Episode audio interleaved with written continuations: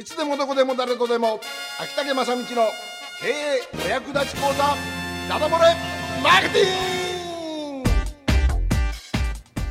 さあ時刻の方は6時を回りましてえ、えーもう事業者それから経営者必聴でございます。秋竹正道のダダ漏れマーケティングシーズン2に入っています、あのー先週まではですね、ええ。えー13回ぐらい、うんシリーズで。はい。ぐらいでいいのか。えーとやってきましたのが、えー地域密着型ブランドの作り方ということでやってきたんですが、ええそれをまあ一旦終わりまして今週からはですね、まあ、これまた12回、うん。12回かな？ぐらいそう。で 12回ぐらい。はい。で、えーコピーライティングコピーライティングのお話を、うん。えーしていきたいと思っております。はいこれ重要ですね、うん。要はですね、あのーどういうことをやりたいかと言いますと、えーまあ、今日はあらかたの全体像をお話しするんですが次回からですねええ。約11回かなうん。の中で、えー宿題をうんちょろちょろっとはい。お出ししていきますので、うん。まあ、やる人やらない人はいるとは思いますが、うん。えー一応この11回をこなせばですね、うんえーあなたの商品会社うんのうん。セールスコピーが出来上がると。おー。なんかじゃあ一つの、うん。えーノートか何かえにしといた方がいいですね。えそうですね、うん。まああのーこれ以前私がメルマガではい。5年ぐらい前に、ええええええ。67年になるのかなもう配信してて、うん。その要するに毎週1回いや月1回か、うん。月1回に配信するたびに宿題を出してたんですが、うん。それに沿って文章を作ってくださいと、うん。で最後に、えーそれをこういうふうに並べ替えて、えーつなげたらあなたのセールレターになりますので、うん。えーそれをホームページとかそれから DM にそのまま使えますよっていうような、超実践型のものをやったんですね。うんでそれが非常に好評だったのと、えーまあ、その中からですね、えーすごいメンバーたちもえー生まれてきたということで、えーまあ、皆様方がこのラジオ聞きないどこまで、えー一緒になってやってくれるか分かりませんが、うん。えーそれをやってみたいと。あのー今ですねいろんなツールがですね、えーたくさん出てきてまして、うん。例えば Facebook とかですね Twitter とかあるいは Mixi それから、えーホームページですね、うん。もう SEO とかありますけどもあの基本的にセールスレター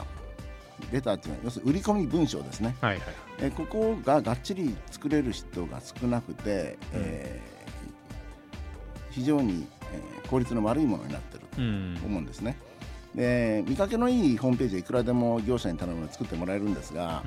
う、ん。その本来あこれを言えば大丈夫っていうようなその簡潔なっていうか、まあ、もちろん長くても全然大丈夫なんですけど、うん。そのコピーですねがなかなかしっかりしてないのが多いもんですから制約率が、えー上がらないというねのがあもったいないっると思ますね。ていうことね。そうですね。うん。だから誰に何を売るのかっていうメッセージをですね、うん。えしっかりまず固めていただければ、えー一度固めればですねその後容量も分かるし、うん。結構普遍的に使えるものになりますので、あとはデザインを変えたりえー写真を差し込んだり、うん。えーということでもう変えなくても、えー使っていけるっていうものができると思いますので、えーこれはダイレクトレスポンスマーケティングという、はい。えーまあ、神田正則さんが推奨していたうん。テクニック、えー方法論の中のダイレクトレスポンス広告うんというのに基づいた、えーコピーの作り方ということになります。でダイレクトレスポンスマーケティングっていうのはあの今まではお願いします買ってくださいって言ってたのが、うんあの集めて切る。要するにお客様を集めて、うん。えーその中から、えーどんどんえー買わない人はこう跳ねていくというような、感じで、えーお客様からその商品売ってくださいと自ら手を挙げてもらえるような、えー売り方を目指しましょうということです。でそのためには、えーそれなりの広告の仕方があってうん。その広告のその一番土台となるのが、えーセールスコピーということになります。でセールスコピーを作るときに、まあ、新聞広告にしろそれから雑誌にしろホームページにしろやっぱりこう押さえとかないけないところがやっぱあるんですね。で今日はそこの、えー大切な部分を、えー大枠を説明したいと思うんですが、えー来週からはですねじゃあ実際それをどのように作っていけばいいのかっていうところを、えー順を追ってお話ししたいと思います。うんそうですね。あのーコピーといえば皆さんよく思い浮かべられるのがあのキャッチコピーですよ。うんあの 畑中隆さんとか。ああはあはあ それから、は糸井重里さん重里さん？重達さん、うんうん。ああいうふうなあの日本広告コピー大賞みたいなのあはいはい。あるじゃないですか、ええありますね。あの男は黙って札幌ビールとかうんそれから美味しい生活とかうん。お尻だって洗ってほしいとか。うん。でそういうですね、えー今回お伝えするのはそういうコピーではありません。そういうコピーではなくてあの本当に、えー長い長文の文章を作ると思ってもらった方がいいと思います、うん。であのコピー広告の4大、えー要素っていうのがありまして、えーそれは例えば一つのですね雑誌とか、えー新聞広告ホームページもそうなんですけど、まあ、4つの部分から成り立ってきまして一つはキャッチコピー、うん。えー先ほど言いましたけど、えーそういうふうなある意味抽象的なもんじゃなくてお客様にきちんとメリットが伝わるようなキャッチコピーですね。キャッチコピーがあってそれから、えーボディコピーとか言われますけどあの本文うんコンテンツですね、えーそこが長いコピーがダーッときます。はいそしてあとですねデバイス。うん。デバイスというのがですねこれ申し込み方法です。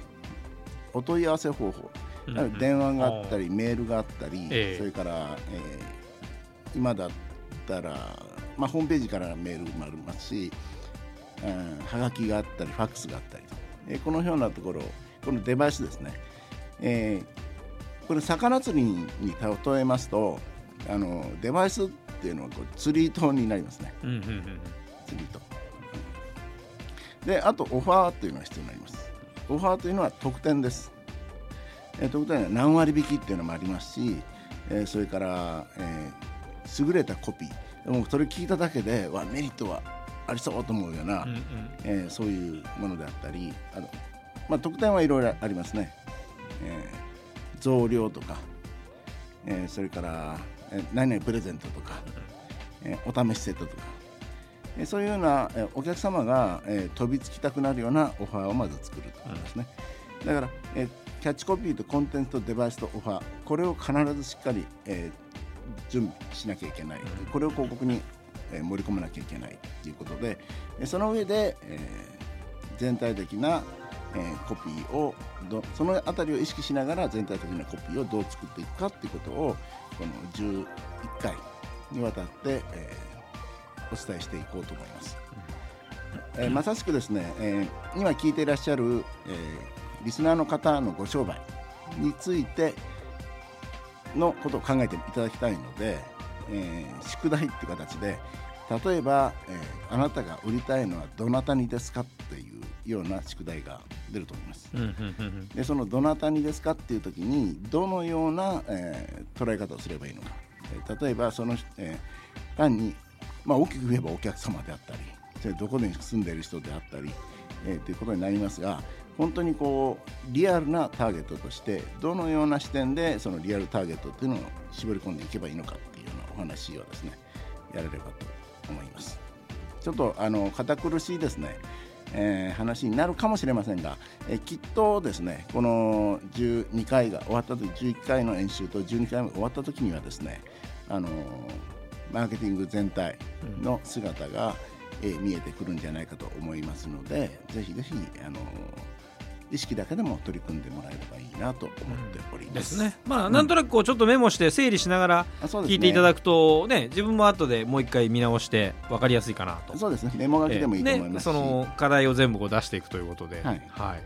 い。もちろんあのいろんなところでですね、まあ、この今だったらこの、えー、ユーストリームが一番